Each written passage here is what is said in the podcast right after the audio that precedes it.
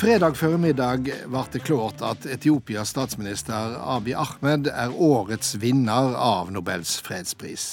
Det er et godt utgangspunkt for å snakke om nettverdens mest prestisjetunge fredspris, de lange linjene i prishistorien og noen av de mange anekdotene som ligger der. Da er sjølsagt Nobelkomiteens sekretær gjennom 25 år, Geir Lundestad, en sjølskriven gjest i studio. Velkommen, Geir Lundestad, og Hjertelig takk. gratulerer med dagen, får en vel nesten si. Ja, det er, jo, det er jo helt utrolig dette som skjer da en gang i året, at verdens oppmerksomhet er vendt mot Nobelinstituttet. Men når prisvinnerens navn er annonsert, så skifter jo fokus helt til prisvinneren, og sånn skal det være. Ja, for dagen for offentliggjøring er jo spesiell, og hvordan forbereder en seg innenfor den lukka døra før den åpner seg mot verden?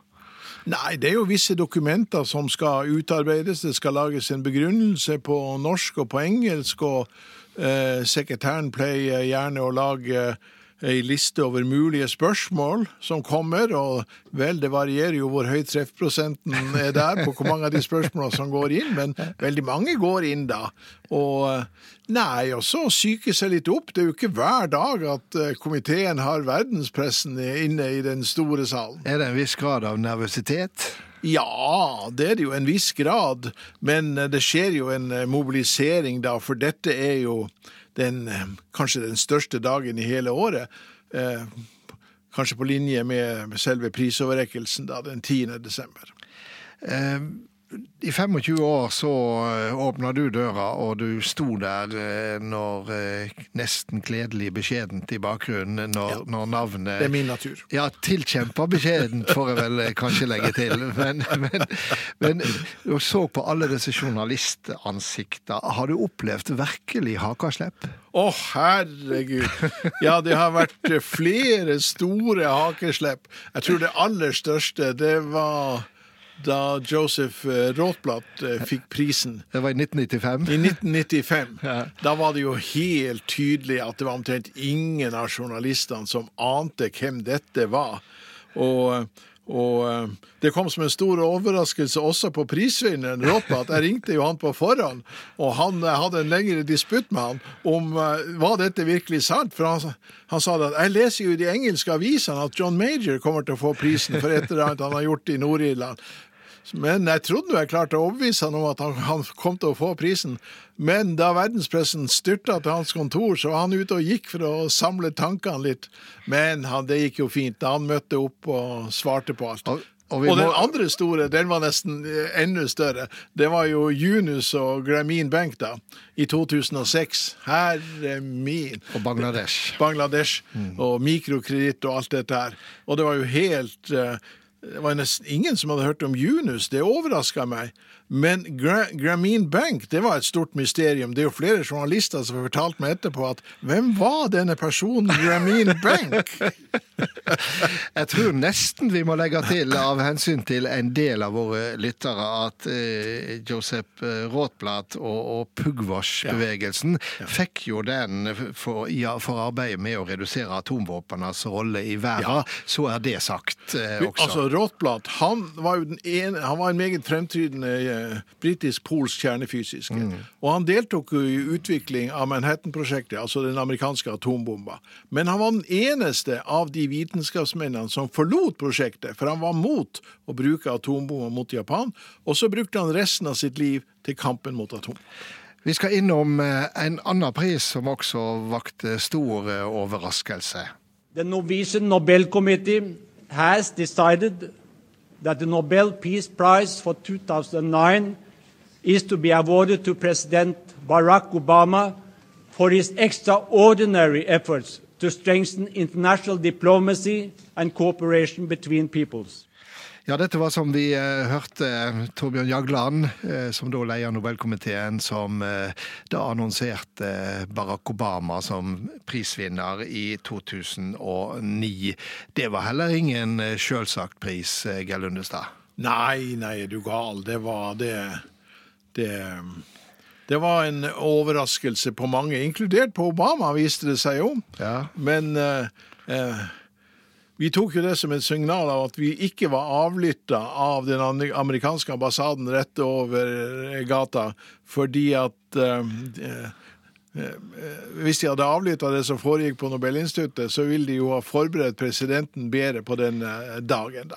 Jeg leser nå at Donald Trump sier at han er usamt med Obama i alle ting, bortsett fra når Obama antyder at det kanskje var noe tidlig for han å motta prisen. Altså Obama, bare for å ta det helt kort hvorfor han fikk prisen Det er jo ytterst sjelden du ser et sånt sammenfall mellom det som er Den norske Nobelkomiteens agenda, og det som en amerikansk president står for. For punkt etter punkt så sto jo Obama for det samme som Nobelkomiteen. Styrke internasjonale organisasjoner, forhandlinger med alle parter, eh, nedrustning, kvitte verden med atomvåpen, demokrati og menneskerettigheter, miljø. Alle disse punktene. Og det er jo klart at da følte komiteen at her var det en mulighet eh, til å støtte opp om denne nye presidenten når han skulle inn i sitt virke, da. Hva han fikk til, det ville jo være noe annet. Så du teller ikke de som mener at dette var for tidlig? Nei, jeg skjønner jo godt argumentet. Og personlig så tenkte jeg jo gjennom dette mange ganger.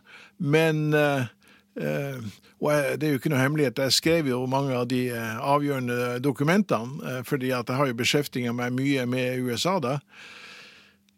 Nei Prisen ble egentlig godt forstått i mange miljøer, særlig utenfor USA, men det er klart, i de konservative miljøene, og særlig i sørstatene, dette var jo en provokasjon de luxe, og vi fikk jo tusenvis av protestbrev, og det ble et enestående leven. Men utenom dette så var det mange som forsto prisen, og den var til dels populær i Europa og Afrika. Og, um Obama kom jo eh, helt i starten av sin presidentperiode til Oslo for å motta prisen. Hvordan var han på så å si tomannshånd? Var han lett å ha med å gjøre? Å, herre min, det var jo som Du måtte jo klype meg i armene her, nær sagt, at uh, er det den amerikanske presidenten jeg står og snakker med nå? Konversasjonen gikk så lett så bare det. Han var så godt brifa, han visste hvem vi var, og uh, hva våre interesser var da, og, og det, det, var så lett å snakke med han. Og... Var han en morosam fyr? Ja da, han var uh, ja, det han fortalte jo ikke vitser og sånt, da, men han var avslappa og lett i tonen. Og det samme gjaldt jo Michel, da. Så nei, det var Det, det var og så holdt han jo kanskje det beste nobelforedraget som har vært holdt. Han holdt jo et nobelforedrag som var et forsvar for våpenbruk. Altså, han tok dette helt alvorlig. For på den ene siden, Han sa jo det rett ut. Jeg fører jo to kriger, og nå skal jeg motta eh, fredsprisen. Dette må jeg forsvare. Dette var som under valgkampen da, eh, i 2008. da. Da dukka rasespørsmålet opp, og da sa Obama plutselig jeg må holde en tale om rasespørsmålet i USA. Og rådgiveren hans sa nei, det må du ikke gjøre. Men han gjorde det likevel. Han, han, var jo en seriøs kar. Han gikk inn på det. Han tok dette helt alvorlig. Og jeg husker godt eh, Michels reaksjon eh, etter, når de møttes etter han hadde holdt talen. Og han jobba jo på talen helt frem til han gikk opp på talerstolen omtrent. Det var jo helt utrolig å se hvordan de lagde endringer og fikk dette på teleprompterne og alt dette her. Og da, da sa Michel Did you really have to go there? Hun følte at Må du virkelig si dette? Må du, må du virkelig si dette her? Jo, han følte utgangspunktet var det. Jeg fører to kriger, og jeg mottar Nobels fredspris. Og det, var jo ikke sånn at han ikke satte pris på det. Du må jo huske på at uh, at to av hans helter hadde jo fått Nobels fredspris, Martin Luther King og Nelson Mandela. Så dette var kjempestort for han, men han var overraska over timinga. Du, du, nevnte Michelle et par ganger. Er det sant at Trygve Slagsvold Vedum bød Michelle Obama opp til dans på Nobelbaketten? Altså, Trygve Slagsvold Vedum i Nobelkretser er han bare kjent for den som bød opp Michelle Obama. Men han fikk nei, da. Hun, hun ville ikke ut på dansegulvet.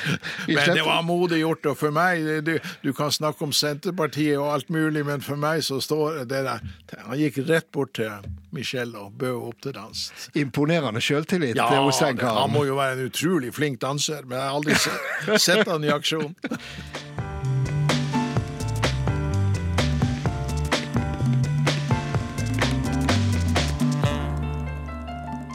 Ja, på selveste dagen for annonsering av fredsprisen, så har vi deg i studio, Geir Lundestad. I 25 år så var du sekretær for komiteen. Og det finnes jo tusenvis, bokstavelig talt, av fredspriser i verden, men Nobelprisen er kåra som den mest prestisjetunge. Hvorfor har den fått en så spesiell eh, posisjon? Jo, jeg tror det er eh, tre-fire grunner til det. Eh, for det første at vi har holdt på veldig lenge. Altså Nobelsystemet kom jo i gang i 1901, inkludert fredsprisen. Så denne prisen har vært delt ut helt fra 1901. Og det har jo kommet til hundrevis av priser seinere, men de er kommet stort sett etter andre verdenskrig. Så vi har holdt på lenge. Punkt to. Eh, fredsprisen tilhører en familie av priser. Eh, og det at alle er innenfor Nobelfamilien, gir oss jo en veldig styrke. Hadde dette vært en isolert norsk pris, så tror jeg ikke den har hatt en eh, posisjon eh, som den har. Eh, fredsprisen er jo i særklasse den av nobelprisene som mottar mest eh, oppmerksomhet, men det er klart det gir også fredsprisen en tyngde å være knytta til de vitenskapelige prisene. og for det tredje, bare for å få det med eh, Komiteen gjør jo ikke krav på noe perfekt rulleblad, men det, det har gått ganske bra. Det har vært, uh, Der er én stor tabbe, at Gandhi aldri fikk fredsprisen. Men L, og det tok altfor lang tid før EU fikk prisen. Men ellers har det stort sett gått bra. Men en annen ting som går an til å spekulere litt over, det er jo at eh, fredsprisen har jo eh, vært ei veldig blanding av helt sjølsagte tildelinger, og samtidig veldig kontroversielle. Og denne blandinga mellom det forutsigelige og det ubereknelige, eh, har det også bidratt til en interesse for prisen? Ja, det tror jeg. Eh, det tror jeg absolutt det har. Og at det skal være et litt sånn overraskende moment. Hva kommer i år? Og så skal vi heller ikke undervurdere, i hvert fall ikke i norsk og, uh, sammenheng, dette at det er mange litt ukjente. Uh, I Norge vi elsker jo det hellige, alminnelige mennesket. Og når vi har disse ukjente, så er det dette hellige, alminnelige mennesket, eller som ei avis skrev, det heldige, alminnelige mennesket. Men her går det jo litt ut på det samme. Men samtidig så har du noe med at Nobelkomiteen uh, i mange tiår egentlig har utfordra det tradisjonelle fredsbegrepet. Det ble utfordra med tildelinger til miljøforkjempere, til uh, forkjempere uh, for, mot kvinneundertrykking til eh, dissidenter. Eh, det også har jo vært med på å lage et utvida fredsbegrep. Ja da, det har jo vært mye eh, tale om dette, det utvida fredsbegrep. Men det er klart, alle som er med i Nobelkomiteen, de kan Alfred Nobels kriterier ut og inn. Mm. Men det, det, er vel riktig å si at det har vært en forsiktig utvidelse av kriteriene ikke i motstrid med det som står i testamentet, men kanskje i forlengelsen av det. De humanitære prisene de kom jo allerede i 1901. Det står jo ingenting i testamentet. Ja, Det er jo den første. Var ja, jo til Røde Kors. Ja, det var jo til grunnleggende Røde Kors, mm. eh, Henri Dina. Eh, og, og, og, sånn at allerede de, de, første som var med på dette, og som hadde et nært forhold til testamentet og alt dette, de foretok en, en slags utvidelse. Men, de eh, demokratiske prisene er jo også en slags uh, utvidelse. Da tenker du til dissidenter, altså dissidenter opposisjonelle? Og menneskerettigheter og sånt. Mm. Uh, men men det har jo blant statsvitere og fredsforskere og andre, så er jo det akseptert at demokratier er stort sett fredeligere enn diktatur, så dette er greit. Og så har vi den tredje utvidelsen, som jo førte til kritiske kommentarer selv i Aftenposten, som jo stort sett er sympatisk til fredsprisen. De skrev om at hva, hva har egentlig miljø å, å gjøre eh, med Alfred Nobels testamente? Hvor står det i testamentet? Herregud, det syns jeg var en tåpelig kommentar. Eh, fordi at det første testamentet, folkenes forbrødring, hvis ikke det å bekjempe global oppvarming, at vi skal stå sammen i kampen for å redde planeten, hvis ikke dette er folkenes forbrødring, så da, da er det ikke mye igjen av det, altså. Og det tredje kriteriet, avholdelse av fredskongresser, det er jo hele dette diplomatiet knytta til miljø. Så to av kriteriene er oppfylt. Eh, i, i en moderne forstand. Her er det mye det hadde vært fristende å ta et replikk på, men Ja, her gjelder det å holde ja, seg ja. tilbake. Men, men et spørsmål, Geir Lundestad. Du eh, møtte og ble på sett og vis kjent med alle fredsprisvinnerne gjennom 25 år. Ja, Hvem og gjorde et- mange av de tidligere også. De ja, og hvem jo gjorde sterkest inntrykk? Ja, Jeg får jo det spørsmålet hele tida, og det Og hva svarer du? Jeg har vanskeligheter med å svare på det.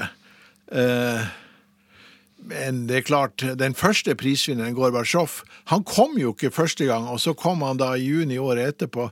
Eh, og det er klart, det var ganske spesielt for meg, da, professor i Tromsø, som jo drev med den kalde krigen, og hadde studert eh, Gorbatsjov som historiker, og plutselig står han her. Eh, og- det å bli kasta inn i dette, det, det ja, det gjorde et eh, sterkt eh, inntrykk på meg. Og det kan jo vi minnes akkurat denne høsten når det er 30 år siden Berlinmurens fall. Ja, altså Gorbatsjov, han hadde jo ikke peiling på økonomi. Og det ble jo en kaotisk utvikling under han økonomisk. Han var jo bare en høyst eh, delvis eh, demokrat da. Men han gjorde mer enn noen annen for å få slutt på den kalde krigen. Og det var jo selvsagt. Det må være mer enn nok. Får du slutt på den kalde krigen, da skal du ha Nobels fredspris. Til tross for de tusener av protester, ikke minst fra de baltiske land. Er det sant at eh, da Yasser Arafat eh, skulle motta prisen, så måtte han hentes i suiten sin på Grand Hotell her i Oslo, der han satt, på, satt og så på Tom og Jerry-filmer? Ja, det er helt sant.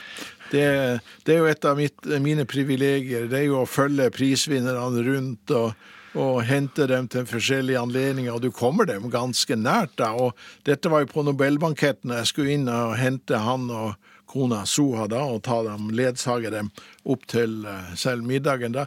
Og da sier Soha da at eh, nei, du må gi dem litt tid, for nå sitter han sammen med hele ledelsen i PLO, og de er opptatt med sin favorittaktivitet. Men bare gå inn, du. Så da gikk jeg inn, og så da var jeg jo veldig spent på hva er favorittaktiviteten til Arafat og PLO. Og det var å se på Tom og Jerry-filmer. De elska Tom og Jerry, særlig Yasser Arafat, så da måtte jeg sitte der en stund og se ferdig filmen inntil eh, Soa kom inn og sa at nei, nå må dere gå.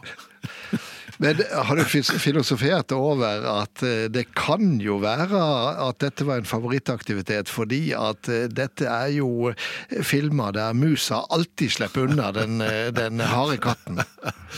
Ja, det ligger jo kanskje noe i det, da, men eh, eh, jeg, jeg tolker ikke det riktig så dypsindig.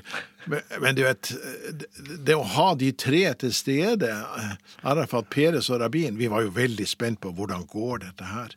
Men akkurat da var jo det personlige forhold mellom dem, det var ganske bra. Men den som jo dominerte fullstendig, og, eh, altså under middager og alle seanser, eh, det var jo Rabin. Han var jo på mange måter briljant. Eh, det eneste som kunne få han ned på bakken, det var jo kona Lea. Av og til så jekka hun han ned litt for at han ikke skulle dominere fullstendig. Hvorfor, Du har nå nevnt Michelle Obama, du har nevnt Soa Arafat, du har nevnt Lea Rabin. Hvorfor eh, rolle har det vært å sette eh, ektefellene inn i dette? Jo, det er jo De har stort sett hatt en gunstig virkning, sånn som Lea eh, Rabin hadde med å liksom Hun grep direkte inn, og han var Men altså, rabbin, han hadde de største humørsvingninger som jeg har sett hos noen fremtredende internasjonal person. I det ene øyeblikket kunne han være helt for fred, og i det neste øyeblikk, eller det gikk en time eller to, og så møtte han igjen. Da, åh, han hadde fått nok av fred! Nå har det vært så mye om fred! Nei, han vil ikke høre mer om fred nå!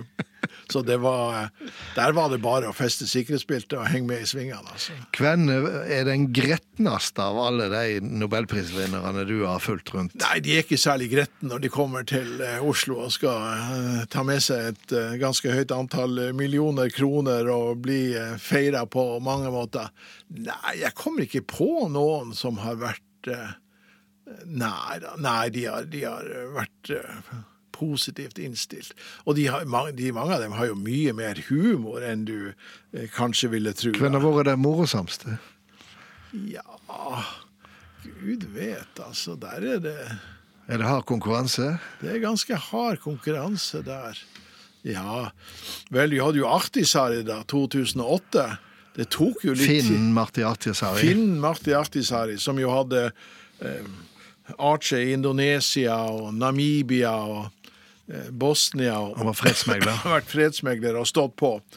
Men eh, når det Når han fikk varma seg litt opp og sånt, og slapp frem sine eh, han hadde jo noen prosenter med norsk blod i seg, så, så var han jo riktig gøy. Jeg husker eksempel, jeg spurte han om Han hadde jo invitert alle som kunne krype og gå fra det finske establishment til å være med på prisutdelinga. Men ikke den presidenten. Den finske Han var presidenten. den finske presidenten. Så da spurte han hvorfor, hvorfor har du ikke invitert hun med når du har invitert alle de andre. Eh, og da sa han bare jeg inviterer bare mine venner. Du, det er jo ingen eh, mange nordmenn på lista over prisvinnere. Fridtjof Nansen fikk den i 1922, men i 1921 så var det også en nordmann som fikk prisen, nemlig Christian Lange. Han er helt ukjent i dag. Ja, og det er egentlig litt synd, for han gjorde en meget betydelig innsats. Han var jo eh, han var den første direktør på Nobelinstituttet. Og det var, men Det var derfor ikke- han det var ikke derfor han fikk eh, prisen. da. Men da han slutta etter ca. ti år der, så ble han generalsekretær i Den interparlamentariske union. Eh, Som jo var, Dette var jo før Folkeforbundet og før FN, så det var på en måte den internasjonale organisasjonen. Og han gjorde en veldig jobb under første verdenskrig med å holde den sammen. da. I den grad han er kjent i Norge, så er han jo kjent som far til Halvard Lange. Men han hadde... Som var utenriksminister i 20 år. ja, ja. Men, eh, eh, men han, han hadde en betydelig innsats, da, så den var høyst fortjent. Nå har vi minnet om eh, han, og helt eh, til slutt, Geir Lundestad Men det skal ikke være for mange norske. Svenskene har jo vært mye dristigere i å dele ut eh, sine nobelpriser til svensker i alle kategorier, fra fysikk til litteratur og sånne ting. Nei, nei, nei. Jeg tror det er en dristig påstand at det er den norske beskjedenheten Ja, som, den norske at, beskjedenheten. eh, som slår inn. Men, men helt til slutt, Geir Lundestad, på en dag som eh, denne, lukter du sagmugg og savner Nobelsirkuset? Nei, når du har vært i 25 år. Da, da er det nok. Da er det nok. Nei, da skulle de da skulle de bli kvitt meg. Så nei da, det, det, er helt fint. det er helt fint. Men jeg hadde 25 veldig gode år, det må jeg si. Det var veldig gøy. Du får kose deg på eh, utsida av eh, sirkusteltet. Tusen takk, eh, Geir Lundestad.